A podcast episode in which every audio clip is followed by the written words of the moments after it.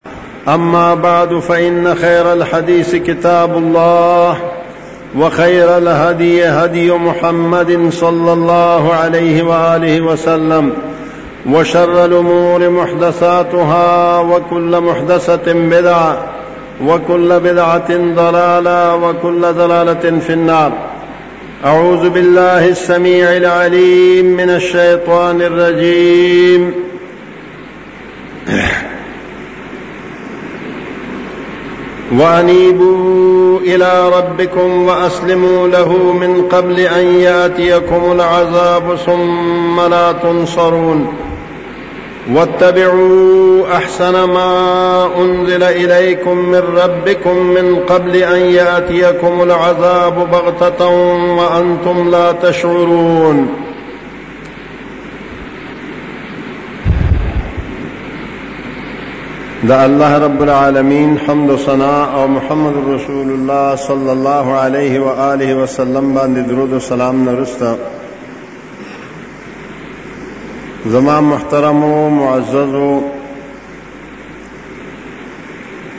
د الله رب العالمین لکنا او کرلنا شکرنا دي او د رب العالمین حمد ثنا ده چې هغه رب مونږ ته توفیق راکړو هغه رب په مونږ باندې احسان وکړو خپل فضل وکړو چې مونږ د خپل کتاب او د خپل پیغمبر محمد رسول الله صلی الله علیه و آله وسلم تابعداران وګرځولو محترمو دا یو منل شوی حقیقت دی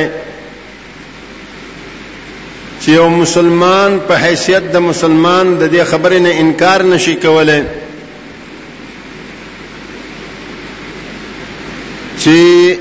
مسلمان تر هغه وخت پورې مسلمان کېدای نشي تر څو چې د هغې ایمان د الله په کتاب نه وي او د محمد رسول الله صلی الله علیه و آله وسلم پر رسالت نه وي او بیا د هغې ایمان تر هغه وخت پورې ایمان نشي جوړېدی چې د الله په کتاب باندې عمل نه وي او د محمد رسول الله صلی الله علیه و آله وسلم په حدیث باندې عمل نه وي او دا هم منل شوی حقیقت ده که یو انسان د ټول دنیا نه انکارو کی دا وې چې دا ټول دنیا نه منم نو سره کافر کیږي نه که یو کس دا وای چې الله نه منم او رسول نه منم نو کافر کیږي دا هم یو منل شوی حقیقت ده چې که یو سره دا وای چې دنیا کې چې څومره کتابونه چا لیکلي دي هغه کې یو کتاب هم نه منم نو سړی په نه کافر کیږي او کدا وای چې دا الله سبحانه و تعالی کتاب او هغه احادیث چې د محمد رسول الله صلی الله علیه و آله وسلم د خلینو وتلی دي او صحیح مونږ ترا رسیدلی دي د هغوی نه څوک انکار وکړي نو سړی کافر کیږي زما محترم او معززو دا حقیقت خدا ټول ته واضح ده چې الله سبحانه و تعالی مونږ پیدا کړیو او زمونږ پیدایش سره زمونږ د هدایت لپاره زموږ د رهنمايۍ لپاره، زموږ د دنیا او د آخرت کامیابي لپاره یو دین چې د هغې ابتدا د آدم علیه السلام نه شوی و او په محمد رسول الله صلی الله علیه و آله وسلم باندې ختم شو چې الیوم اکملت لکم دینکم واتممت علیکم نعمتي ورضیت لكم الاسلام دینا باندې الله سبحانه وتعالى د دا سلسله د دین او د اسلام او د وحی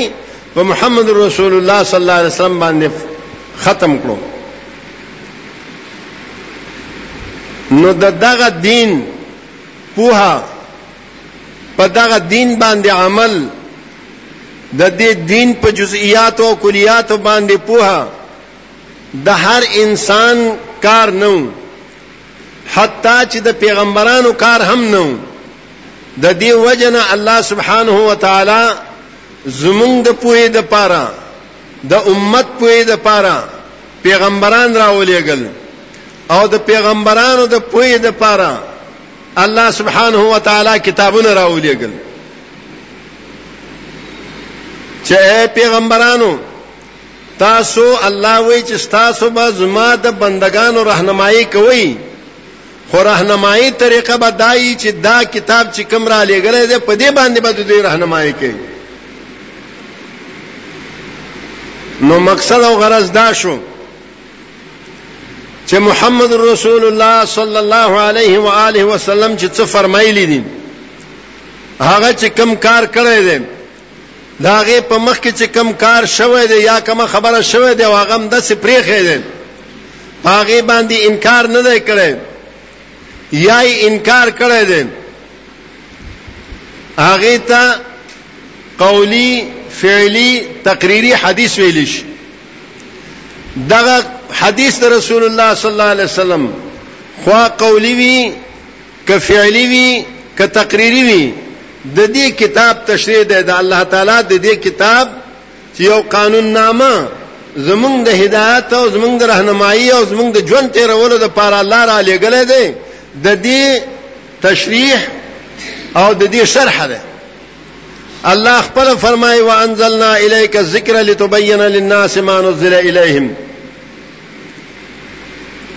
مونږ تا ته محمد رسول الله صلی الله علیه وسلم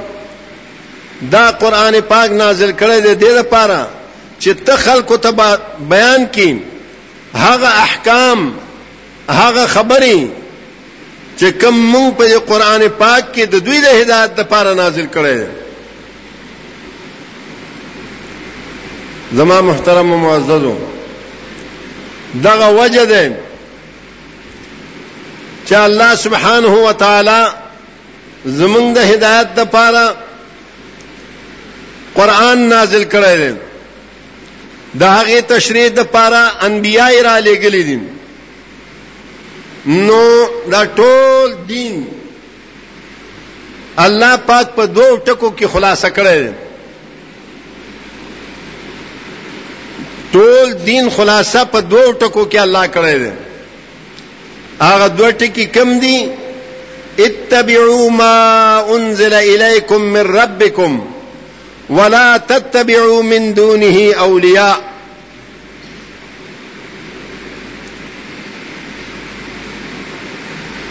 اے مسلمانانو اے د الله بندیانو اے د الله مخلوقه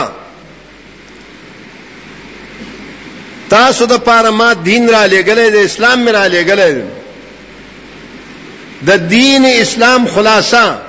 په دې دوو ټکو کې دی اتبعوا ما انزل الیکم من ربکم تابعداري وکړئ تاسو د هغه څه چې الله سبحانه و تعالی تاسو ته نازل کړی دی ولا تتبعوا من دونه اولیاء د دین علاوه د هیڅ دوست تابعداري مکه ما انزل د الله کتاب او د محمد رسول الله صلی الله علیه وسلم حدیث دی نو الله مونږ ته وایي چې تاسو تابعداري وکړئ د هغه کتاب چې الله را نازل کړی دی خوا د قران په صورت کې وی او که د محمد رسول الله صلی الله علیه و آله وسلم د حدیث په صورت کې وی او د قران او د سنت نه علاوه د هیڅ شي تابعداري تاسو مکوئ دا د الله حکم دی او دا د سوره اعراف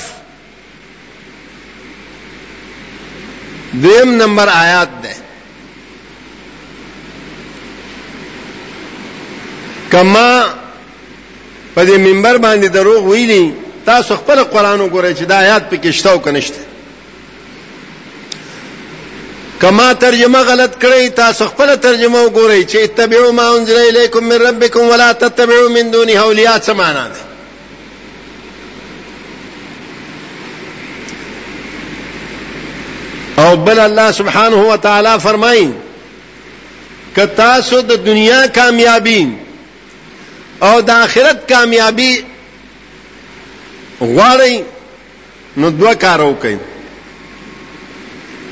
انیبو الی ربکم واسلموا له الله ته رجوع کوي هر څه پرې دی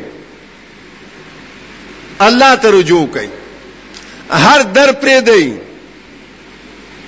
کله بابا دروي کله زیارت دروي کله صوفي صاحب دروي کله امام صاحب دروي کله ملک صاحب دروي او کله چیرمن صاحب دروي کله مشر وی او کله کشر وی تول درونو تولی دروازې پرې دی انیبو الی ربکم خپل رب ته رجوع کوي واسلمو له دا الله سبحانه و تعالی هر حکم ته غاړه کې دی دا یو خبره انابت استسلام الله ته انابت کوي او دا الله هر حکم ته غاړه کې دی دویمه خبره واتبعوا احسن ما انزل الیکم من ربکم تابعداري وکړئ د هغه بهترین چیز چې الله سبحانه و تعالی د طرف نه تاسو ته نازل دی الله ته انابت او استسلام وشي او تابعداري د ما انزل الله وشي دقه دین دی زما ورونو اهل حدیث څه وایي اهل حدیث هم دقه وایي چې انیبو الی ربکم واسلمو له اتبعوا ما أن... واتبعوا احسن ما انزل اليكم من ربكم دا زمون چغه ده دا زمون پکار ده دا زمون دعوت ده او دا زموږ نشر او اشاعت ده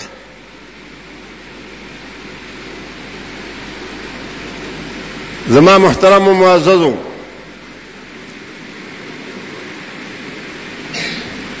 هر یو انسان هر انسان ته الله رب العالمین عقل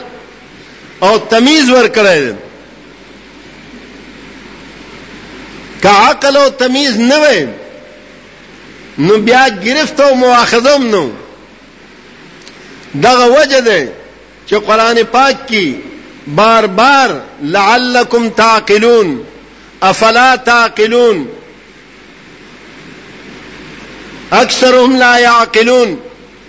الله پاک دغه فرمایي چې اکثر د دوی نه عقل نه لري ایا تاسو د عقل نه کار نه اخلئ د عقل ته الله سبحانه و تعالی وقعت ورکړی او محمد رسول الله صلی الله علیه و آله وسلم فرمایي چې درې چیزونه داسې دي درې کسان داسې دي درې قسم خلک داسې دي چې د مواخذه قلم دا غوینه پورته شوی دی یو ماشوم تر دې پوري چې بالغ شي ولی ماشوم د دې وجه نه چې عقل نه ورکی بل وده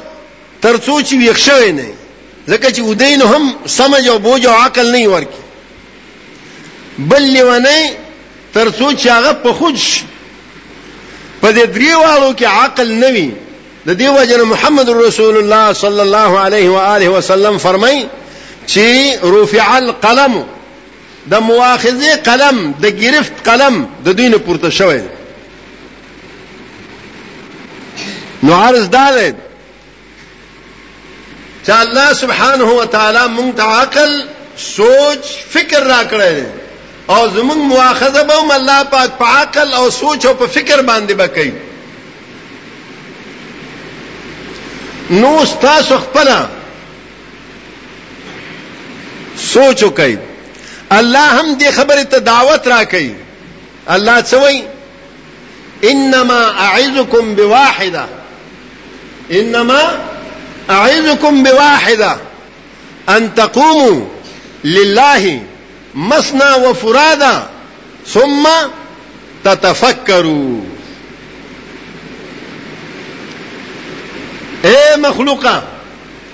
الله وایي، بېشکه تاسو ته زه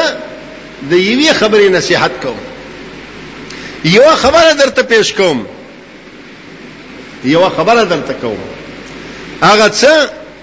ان تقوموا لله خاص د الله د پاره خاص د الله د ویره په بنیاد باندې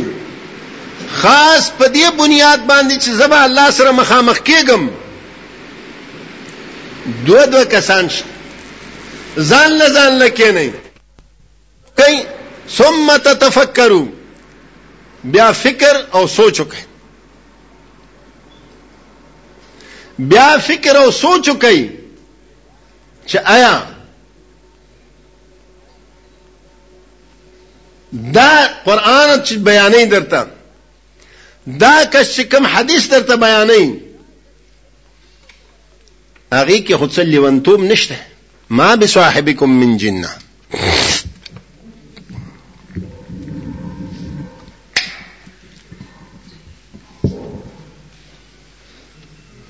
وای ما بصاحبکم من جنه ستاسو مرګره پورې لیونتوب نشته مقصد زما دا دی چې دا کمی خبرې چې مونږ کوو کم دعوت چې مونږ پیش کوو د کمی خبرې نشو اشاعت چې مونږ کوو په دې کې تاسو سوچ وکړئ یو کس وایي چې اتبعوا ما انزل الیکم من ربکم اے مرګرو اے مسلمانانو اے مؤمنانو اے رونو اے میندو خويندو تاسو چې چلو کوي اتبعوا ما انزل اليكم من ربكم الله چې کوم شی نازل کړي داغه تابعداري وکړي او بل څه وایي نه نه وای دا لیونی شوی دی پاگل شوی دا غیر مقلد دی دا غیر مقلد دی بلکې قران او سنت پرې دی د فلانه خبره ومنه د فلانه خبره ومنه فلانه خبره ومنه الله تاسو ته وایي چې ثم تتفکروا فکر وکړئ سوچ وکړئ زم درته وایم چې فکر او سوچ وکړئ چې خبره د چاخ سید محمود علوسی بغدادی رحمه الله فرمایي یو د مکی مشرکان دي چې هغه مکی مشرکان هغه به څه ویلې وای زار کیبو فل فلکی دعو الله مخلصین له الدين کله چې په کشته کې بسواره شول خالص یو الله براو بلل و اذا نجاهم الى البر اذا هم يشركون کله چې اوچته بلا وتل بیا به الله سره شرک وکړو د مکی مشرک عقیده الله بیانې او بل کلمه ګو مسلمان دی کلمه وی لا اله الا الله محمد رسول الله منځ هم کوي زکات هم ورکوي روژه هم نسي حج هم کوي او ورسره ورسره بیا څه وایي بغیر د ابي بلا افتاد کشتي مدد کن یا معین الدین چشتي مکی مشرک کشته چې په دریاب کې په سمندر کې په گرداب کې پنساو شي ونخلی هغه څه وای دعو الله مخلصین له الدین یو الله ته چغی کې چې الله کته من تراته نجات را نه کینو بیا څوک نجات را کون کې نشته او یو کلمه گو مسلمان منځ کون کې مسلمان روزه ساتون کې مسلمان حج کون کې مسلمان زکات ور کون کې مسلمان سوی په گرداب د مصیبت کې زما کشته پنساو شوی دی معین الدین چشتی ته مدد وکړه سید محمود علوسی بغدادی وایي فبالله علیک زه تا ته د الله قسم درکوم ای الفریقین اهدا سبیلا واقوم قیلا د دوالو ډلو کې کوم یو ډله پس نیغه لار باندې ده او مضبوطه خبره ده چا ده د هغه چا چې سختی په وخت کې الله ته چغي وهي او که د هغه چا چې سختی په وخت کې غیر الله ته چغي وهي سوچ تاسو کوي فبالله عليك دا الله خاطر او دا الله قسم دل درکوم چې ته په کې سوچو کا فیصله ستا پلاس کې زم تاسو ته دا وایم چې یو کس دا وایي چې دا الله کتاب او د محمد رسول الله صلی الله علیه وسلم حدیث او بل وایي چې نه نه پلانې بابا او پلانې مولا سره او پلانې کاکا سره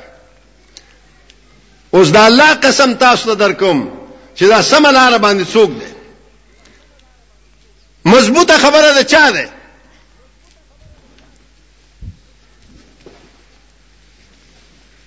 زما محترم او معززو زه کله کله دا خبره کوم دا خلک دي کنه خلک چې کله مونږ نه خوشحالي مونږ ته اهل حدیث وایي چې خوشحالي کنه اهل حدیث راته وایي چې لغوندې رانه خپي بیا راته څه وایي وابیان او چې لګا دې هغه نه زیات خپي بیا راته غیر مقلد وایي او چې سم خپه نه بیا راته کافر وای دا څلور مرتبه دي نوست سوچو کا زما کفر څه شي زما دې مرګري راته ویلو چې په تقلید باندې با تقریر کوي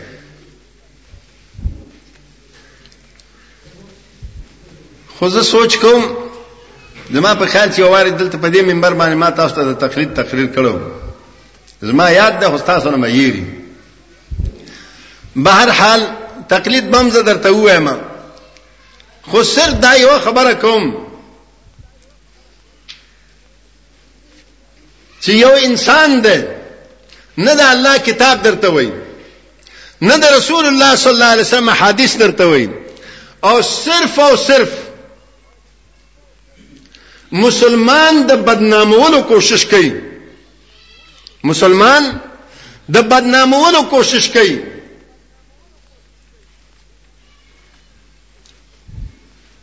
نو هغه په باره کې زه هیڅ هم نشم ویلی سوا د دې نه چې وسيعلم الذين ظلموا اي منقلب ينقلبون وخت راتلون کې دی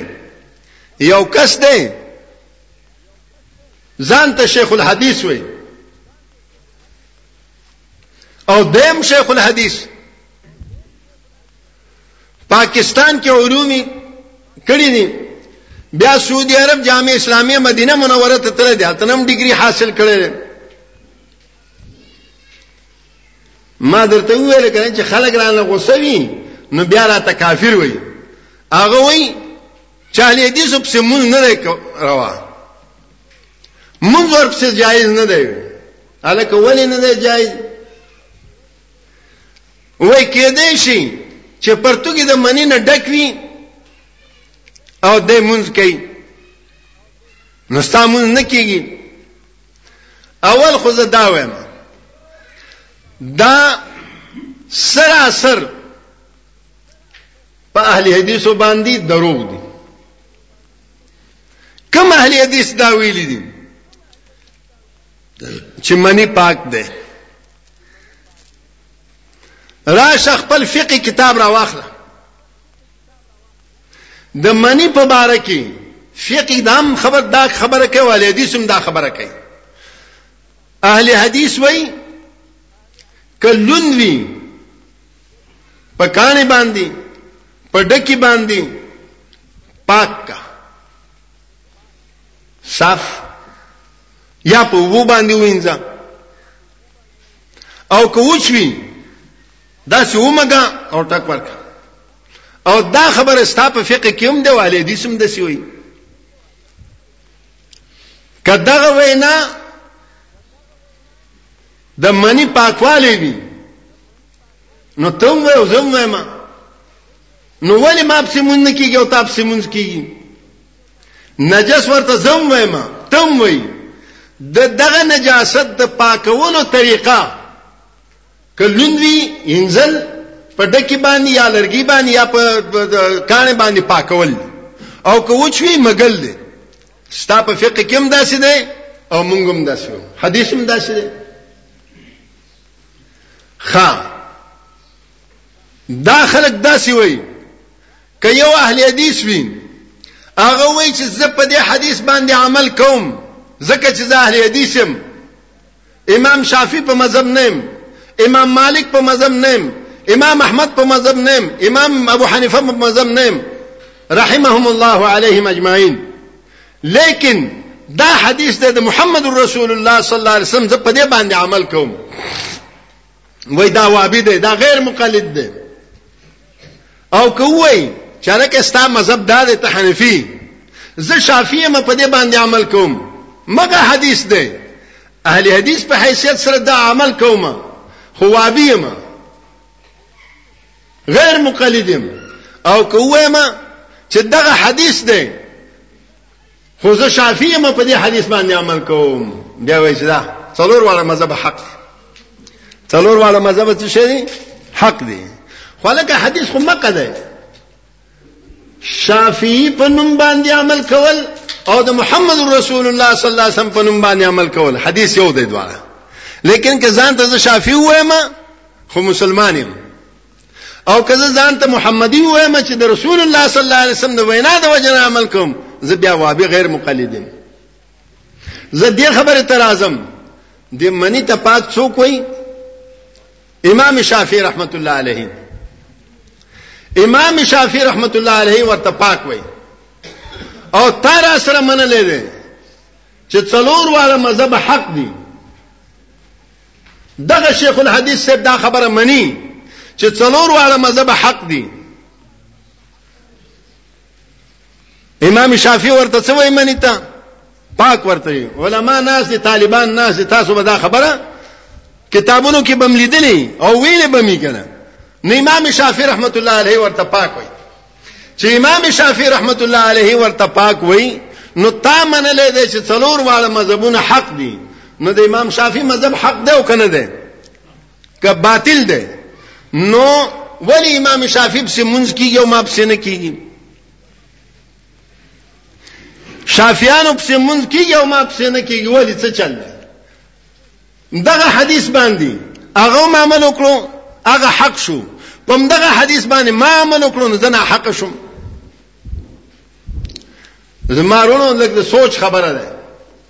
لګ د فکر خبره ده الله پاک هم وایي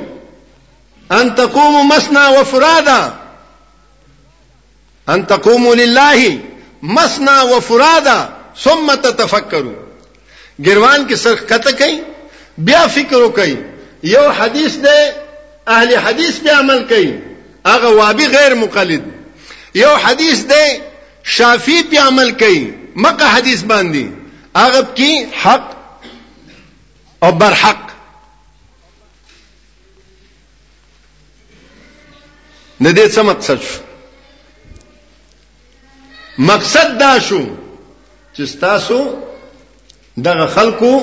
مخالفت د چا سره ده محمد رسول الله صلی الله علیه وسلم سره وابي سره نه دی غیر مقلد سره نه دی شافعي سره نه دی دغه حدیث سره دی بیا څه وایي بیا وی مونږ خو ورپسې ځکه نه کیږي چې نه چوکې بعد به تلې څومره نه چوکې نه چوکې بعد به تلې او دای به مونږ کوي دا څومره چې کوم دنه کې زب بیاني او دروغ دی د یو شیخ الحدیث کم اهل حدیث دا غوي چې یعنی نه چوکې بعد دلا شو او دس نه ماتيږي من خو اهل حدیث رسول الله صلی الله علیه وسلم حدیث دی ابو هريره رضی الله تعالی عنہ نے روایت ده هغه فرمایي چې مز تر هغه وخت پورې نه قبليږي د بیاودس سړی تر څو چې اودس نه کړي چا ته پوسو کړ چې ومل حدث یا ابو هريره ابو هريره حدث څه شي ده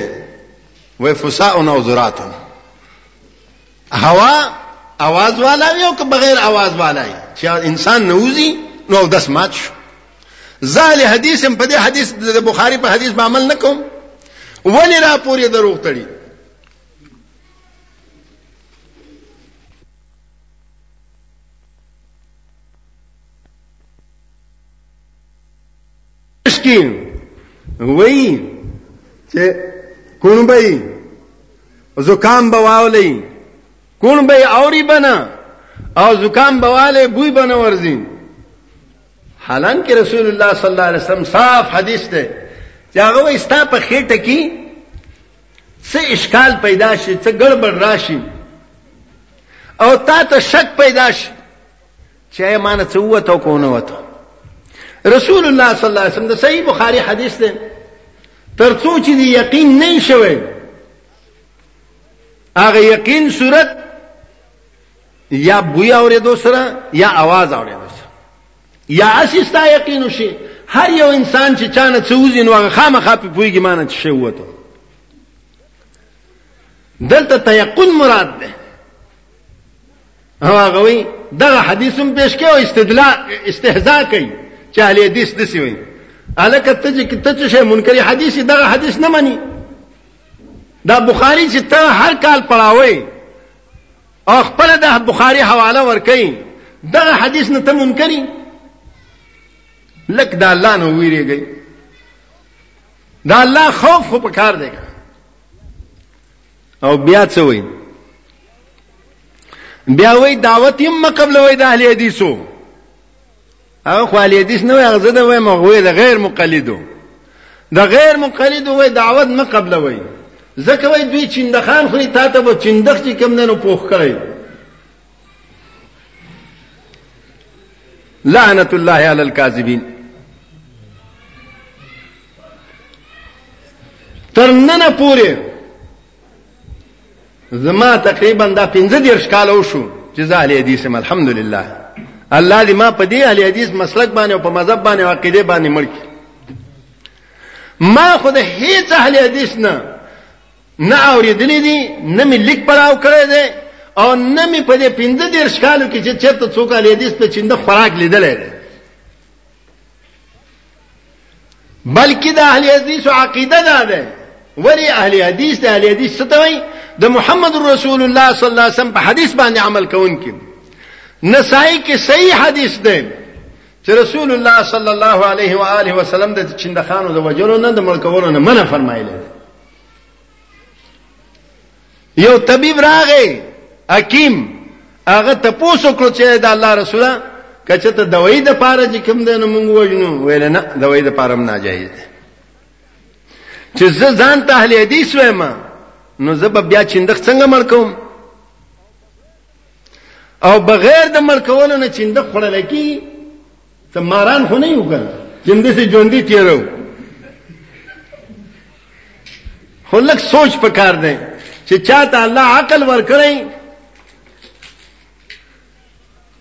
رسول الله صلی الله علیه وسلم نه چاته پوسو کړو چې متساعتو قیامت به کله یې د الله رسول اذا وسد الامر الى غیر اهله کله چې په منبر باندې داسې سره کینی چې هغه اهل نه وي داغه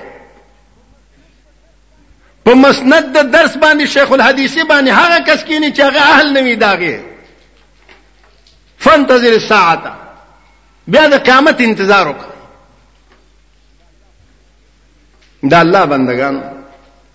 دا علم علم صرف علم نه دی علم سره تقوا پکار دی دا الله خوف پکار دی دا الله ویره پکار دی چې عالم وی دا الله خوف او ویره نه بیا هغه څه چې خلیته ورشي هغه وایي او چې تقوا ور سره وي بیا غ سوچ کوي ځکه چې رسول الله صلی الله علیه و آله وسلم فرمای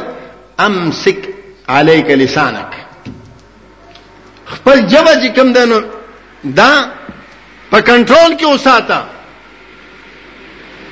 ډېر داسې خلک دي چې جبنه یو خبره وباسي خو هغه د جهنم ته د رسیدو د پاره هغه کافی یا هغه هیڅ نه غني یا جنت ته د رسیدو د پاره کافی خو هغه هیڅ نه غني بهر حال زه چونکه وختم د مانځه مانځم وخت دی خدای یو خبره بل کول غواړم زه در ډیر خلک داسې دي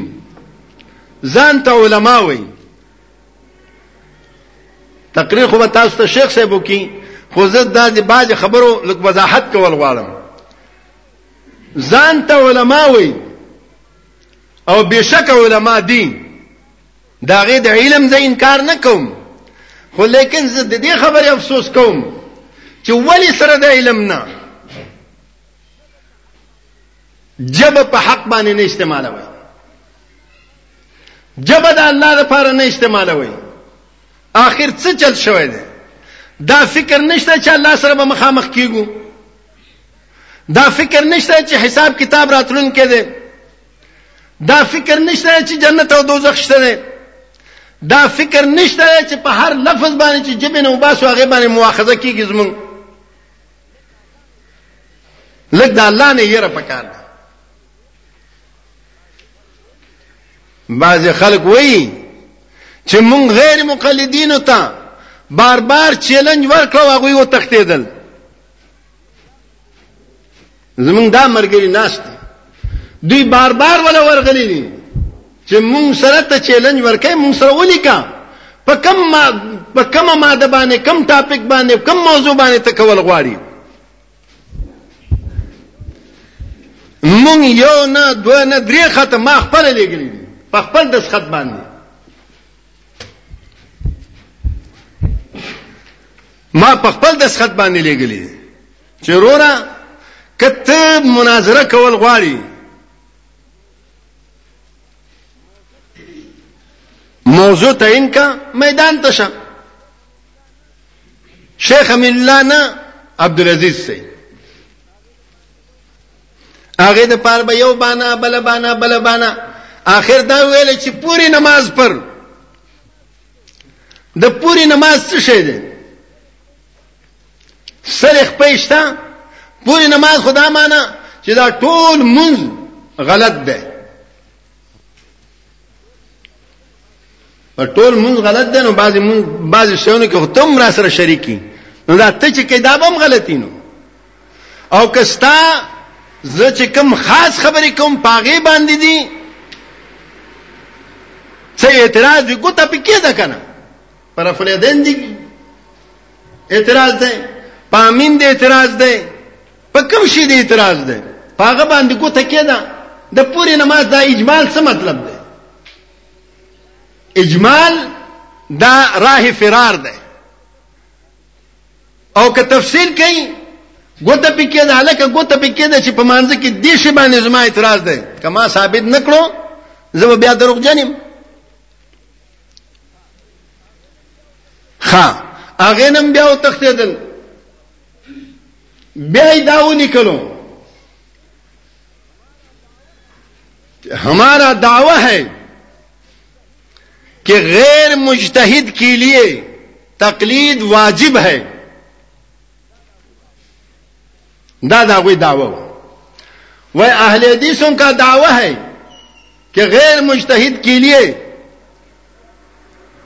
تقلید شرک ہے الکه تا خو زه دعوه وکړو د زما د دعوی تا ته چا حق در کړی دی چې ته زما دعوه پیش کړي مدعی زم زما خپل دعوه پیش کوم ته زما د دعوی او که زه دا وایم چې اهل حدیثوں کا یہ دعوی ہے کہ غیر مجتہد کے لیے تقلید ضروری نہیں ہے اور احناف کا دعویٰ ہے کہ غیر مشتحد کے لیے تقلید حرام ہے تب رسرو منی دا خبر الک ازما دعوت والی کہ خپل دعوت کا بیا ما ورته ولیکل که په مناظره باندې پويږي که په مناظره باندې پويږي رشیدیه دي چرته ویلي علما ناس دي دوه خبري یو مدعی وي یو سائل وي مدعی هغه وي چې اثبات د حکم ته وړاندې شوی او سائل هغه وي چې د هغه نفي کوي ما ورته ولیکل خپل چرورا تا خو دعوو کړو چې همارا دعوه ہے کہ غیر مجتهد کے لیے تقلید واجب ہے نو بس تا داو شو ز سائل میدان ته شه او بیا یې څه باندې کولو باندې دا کولو چې بیا به دا لیکل راکی کده پرشنو ټول علی حدیث به پڑھی مونږ مرته ویل چې ټیک دې تبم دا لیکل راکی کته پرشنو ټول حناف چې چرته حنفیان وی پڑھی ټول دنیا کې ټول به پڑھی نو بیا دې خبرې تم نه راتله نو بیا تاسو ولې سره د علم نه دا دروغ وایي چې تختیدلی دي تختیدل څوک دی اے زه اوسویم امام شاه مولوی صاحب زما استاد دی دا خبرې دی کوي کنه تاسو په دې بازت خیل احمد احمد خیل کې زما استاد دی زه د هغه د علم قائل یم خدا خبره مونږ ته شیخ محمد طاهر رحمه الله الله تعالی دی غریق رحمت کی الله رب العالمین دی هغه ته بخشش وکي قبر دی الله پاک په رحمت باندې د په نور د رحمت باندې ډکی هغه دا خبره مونږ ته خودلې ده چې یو استاد وی یو شاګرد وی استاد چې چې ته په حق باندې ولاري نو شاګرد لپاره پکار دی چې ورته وایي او هغه مثال زه درته خیم غورغشتو مولانا صاحب د شیخ محمد طاهر رحمه الله استاد هغه مستقل کتاب لیکل دی چې ال انتصار فی سنتی سید الابرار دا د شیخ غورغشتو مولانا صاحب پر رد کی دا کتاب لیکل دی نو مونږ هم دا وایو چې دا طریقه مونږ ته زمونږ شیخ القرآن رحمه الله الله دې مغفرت نصیب کړي هغه راته خودلې دي مونږ هم دا وایو چې مولوی صاحب زما استاد زما هر څه استاد علم ز قدر کوم استاد استاد ز قدر کوم لیکن د حق د اظهار د پاره تم پښتوني زم پښتونیم پنجابي سره را راولي کاغه نروي ما سره د پښتو وای کنه کامین الله مولوی صاحب ته اردو نه ورتلو هغه دې نه وای کنه هغه دې پښتو ویلې کنه دا خو څه عیب نه دی چې امین الله مولوی صاحب ته اردو نه ورتلو هغه بندر شوی پښتو به ویلې وي خو زه دا وایم اے پنځپیرانو اے رونو زمونږ چرته چاته چیلنج نه ورکو مونږ چاته څه دا غلطه خبره نه کوو خو تنگ آمد بجنگ آمد که تاسو مناظره کول غواړئ نو مونږ پنجابیان مونږ تمراولې مونږ پښتانه یو الحمدلله تاسو هم پښتانه تاسو هم په پښتو پوهیږئ مونږ هم په پښتو پوهیږو موضوع مقرر کې اجمال مکوئ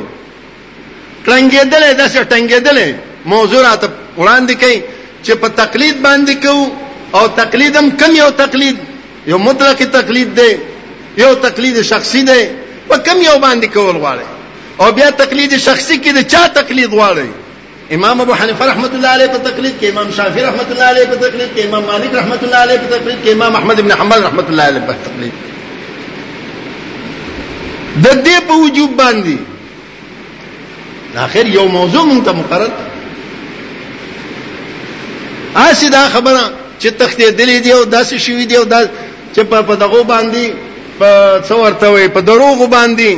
په افترا باندې په بهتان باندې دا که دنیا کې و چلیږي په آخرت کې نه چلیږي او ان شاء الله په دنیا کې هم نه چلیږي فام مزبدو فیذهب جفا دا یو زګ دی چې راپورته شوی دی ان شاء الله میاشت پس دوه میاشتې پس شپږ میاشتې پس به دا ارڅ ختم شي دا الله فضل او کرم دی حق حق دی حق حق دی او باطل باطل دی بهر حال ما تاسو ته عرض کوم چې الله مونږ ته څه وایي وانيبوا الى ربكم واسلموا له الله ته انابت وکړي او دا الله هر حکم ته غاړه کېده دا انابت او استسلام به په څه باندې راځي واتبعوا احسن ما انزل اليكم من ربكم تابعداري وکړئ تاسو د هغه بهترین چیز چې الله سبحانه و تعالی تاسو لپاره نازل کړی کوم د اتباع ما انزل الله وکړو دا ما انزل الله د کتاب په صورت کې وي قران په صورت کې او کده محمد رسول الله صلی الله علیه و آله وسلم دا حدیث په صورت کې دا دواړه مونږ د پاره واجب الاتباع دي د دین مخلص نشته او د دین علاوه که چا خبره د قران او سنت سره موافق وي هغه د دې وجنه منو چې دا د قران او سنت سره موافق دی نه د دې وجنه چې دې دا خبره کړې ده د د خبره واجب الاتباع نه ده بلکې د دې خبره منلو ور زکه ده چې د دې قران او سنت سره موافق ده او بعضې پکې یو اشتهار بل چاپ شوی هغه دا وایي دا دا خبره درته کوم چې دا ټول افتراګان دي دا ټول څه شي افترا ده هغه وی اهل حدیث اجتهادی اور اجماعی مسائل کی منکر ہیں اجتهادی اور اجماعی مسائل کی منکر ہیں دا سور درو چا کم پښتانه وای کنه شین درو دا شین درو دی ځکه اهل حدیث په حیثیت د اهل حدیث اجتهاد نه هیڅ کله نشي منکر دی ولی رسول الله صلی الله علیه وسلم فرمایي صحیح بخاری روایت ده چې ذا حکم الحاکم فاجتهد فاصاب فله اجران کله چې یو حاکم یو عالم یو قاضي یو مفتی یو مجتهد اجتهاد وکي او په اجتهاد کې حق ته ورسیږي فله اجران هغه د پاره ډبل اجر او کچته خطا شي فله اجر هغه د پاره یو اجر نو اجتهاد نه به موږ څنګه انکار وکړو اجماعي مسائل کوم شروط چی اصول فقه او اصول حدیث کی د اجماع د پاره علماو وضع کړی دي کاغه موافق اجماع وی بالکل مونږ تیار او که ادعای وی هر یو سره داوا کوي چې په دې باندې اجماع ده په دې باندې اجماع ده ادعای اجماع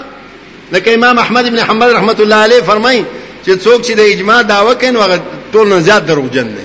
دا سه مسله شته نه چې هغه کې کم شروط د اجتماع اجماع چې د پاغه موافق اجماع شوی وي دا سه مسله دراته خو چې اجماع شوی د دې یو مثال درته خیمه فتاوی عزیزیه یو فتاوا ده داغي په دې اول دویمه کرښه کې لیکلې ده چې تراوی شل رکعات دي او په دې باندې اجماع ده اور اجماع سے نکلنا یہ ضلالت ہے اجماع سے نکلنا ضلالت ہے او چې د دې صفی اخر تر اغلې ده بیا وایي چې عثمان ابن عمر ابن عبد العزيز عثمان ابن ابان امام مالک رحمت الله علیه دوی به 36 رکعات تراوی کولې شپږ دیش رکعات تراوی کوله نو هغه چې په شلو باندې اجماع شوه او د اجماع نه وتل زلالت ده نو بیا عمر ابن عبد العزيز بیا گمراهی کړی دی عثمان ابن عبان گمراهی کړی دی امام مالک گمراهی کړی دی کم از کم لږ سوچ په کار وي او خبرې ته دومره درو خو سره وای چې کم از کم یو یو کال خو چلیږي او د د دومره ونه چلیدو چې ابتدا د سطر کې گمراهي ورته ویلو او په انتها دغه صفی کې چې کم دنو وای پلانې او پلانې 36 رکعات کولو بهر حال زما محترم معززو خبره داده چې الله پاک مونږ مامور کړیو په څه باندې وتبعوا احسن ما انزل الیکم من ربکم باندې او د اهل حدیث دعوت هم دا ده قران او سنت قران او سنت الله او رسول او کده دینه بهر خبرې کده قران او سنت سره موافق وي هغه سره او سترګه او دا مذهب ستام دی او زمام دی کاش چې تا هم په خپل مذهب باندې عمل کولی تم دا وایي چې کومه خبره لکه د دې یو مثال به ووایم امام محمد خو پیژنې کنه کتابونو کې به مویلی په دې هدايه کې وغیرہ وغیرہ کې خلافا لمحمد وي امام محمد د امام ابو حنیفه رحمت الله علیه شاګرد دی امام ابو حنیفه رحمت الله علیه مذهب دا دی چې هغه وایي د ځمکې وقف نه صحیح کیږي څه شي د ځمکې وقف نه صحیح کیږي ټول فقه کتابونه وګورئ امام محمد رحمت الله علیه مبسوط سرخسی ذکر کړی دی د دولسم جلد سلیشتم صفحه کې هغه وایي څه دلایل یې پیش کړي چې دا دلیل دا دلیل دا دلیل دا دلیل د ځمکې د وقف د صحت د پاره مونږ خو امام ابو حنیفه رحمت الله علیه پسې دلیل په بنیاد باندې یو که د تقلیدم کوله نو تقلید د پاره خو چې کوم دنه ابراهیم نخعی او حسن بصری د دنه غوړو که بغیر تقلید نه بغیر دلیل نه که تقلید کولو نو بیا حسن بصری او د ابراهیم نه خې تقلید بم کړی وای نو مقصد او غرض ما دا ده چې تاسو هم دا وای چې بغیر دلیل نه تقلید کول ناجایز دي لکه چې خپل امام محمد په دې مسله کې د امام ابو حنیفه رحمت الله علیه مذهب پرې خېده وابي شو غیر مقلد شو او کڅ شو که امام محمد پرې دی خو مسلمان دی مقلد دی امام ابو حنیفه په مذهب دی او که عبد العزيز پرې دی وابین دی غیر مذهبم دی او څو ورته غیر مقلدم ده او کافرم ده قربان شوم خدا را یک بام دو هوارا سبحانك اللهم ربنا وبحمدك اشهد ان لا اله الا استغفرك واتوب اليك چې مذهب بس صرف یو اسلام دی کنه او څه شی دی قران او حدیث تیار کرده ایوب اسلامی کیسټ مرکز پشت قصخانی بازار پشاور شهر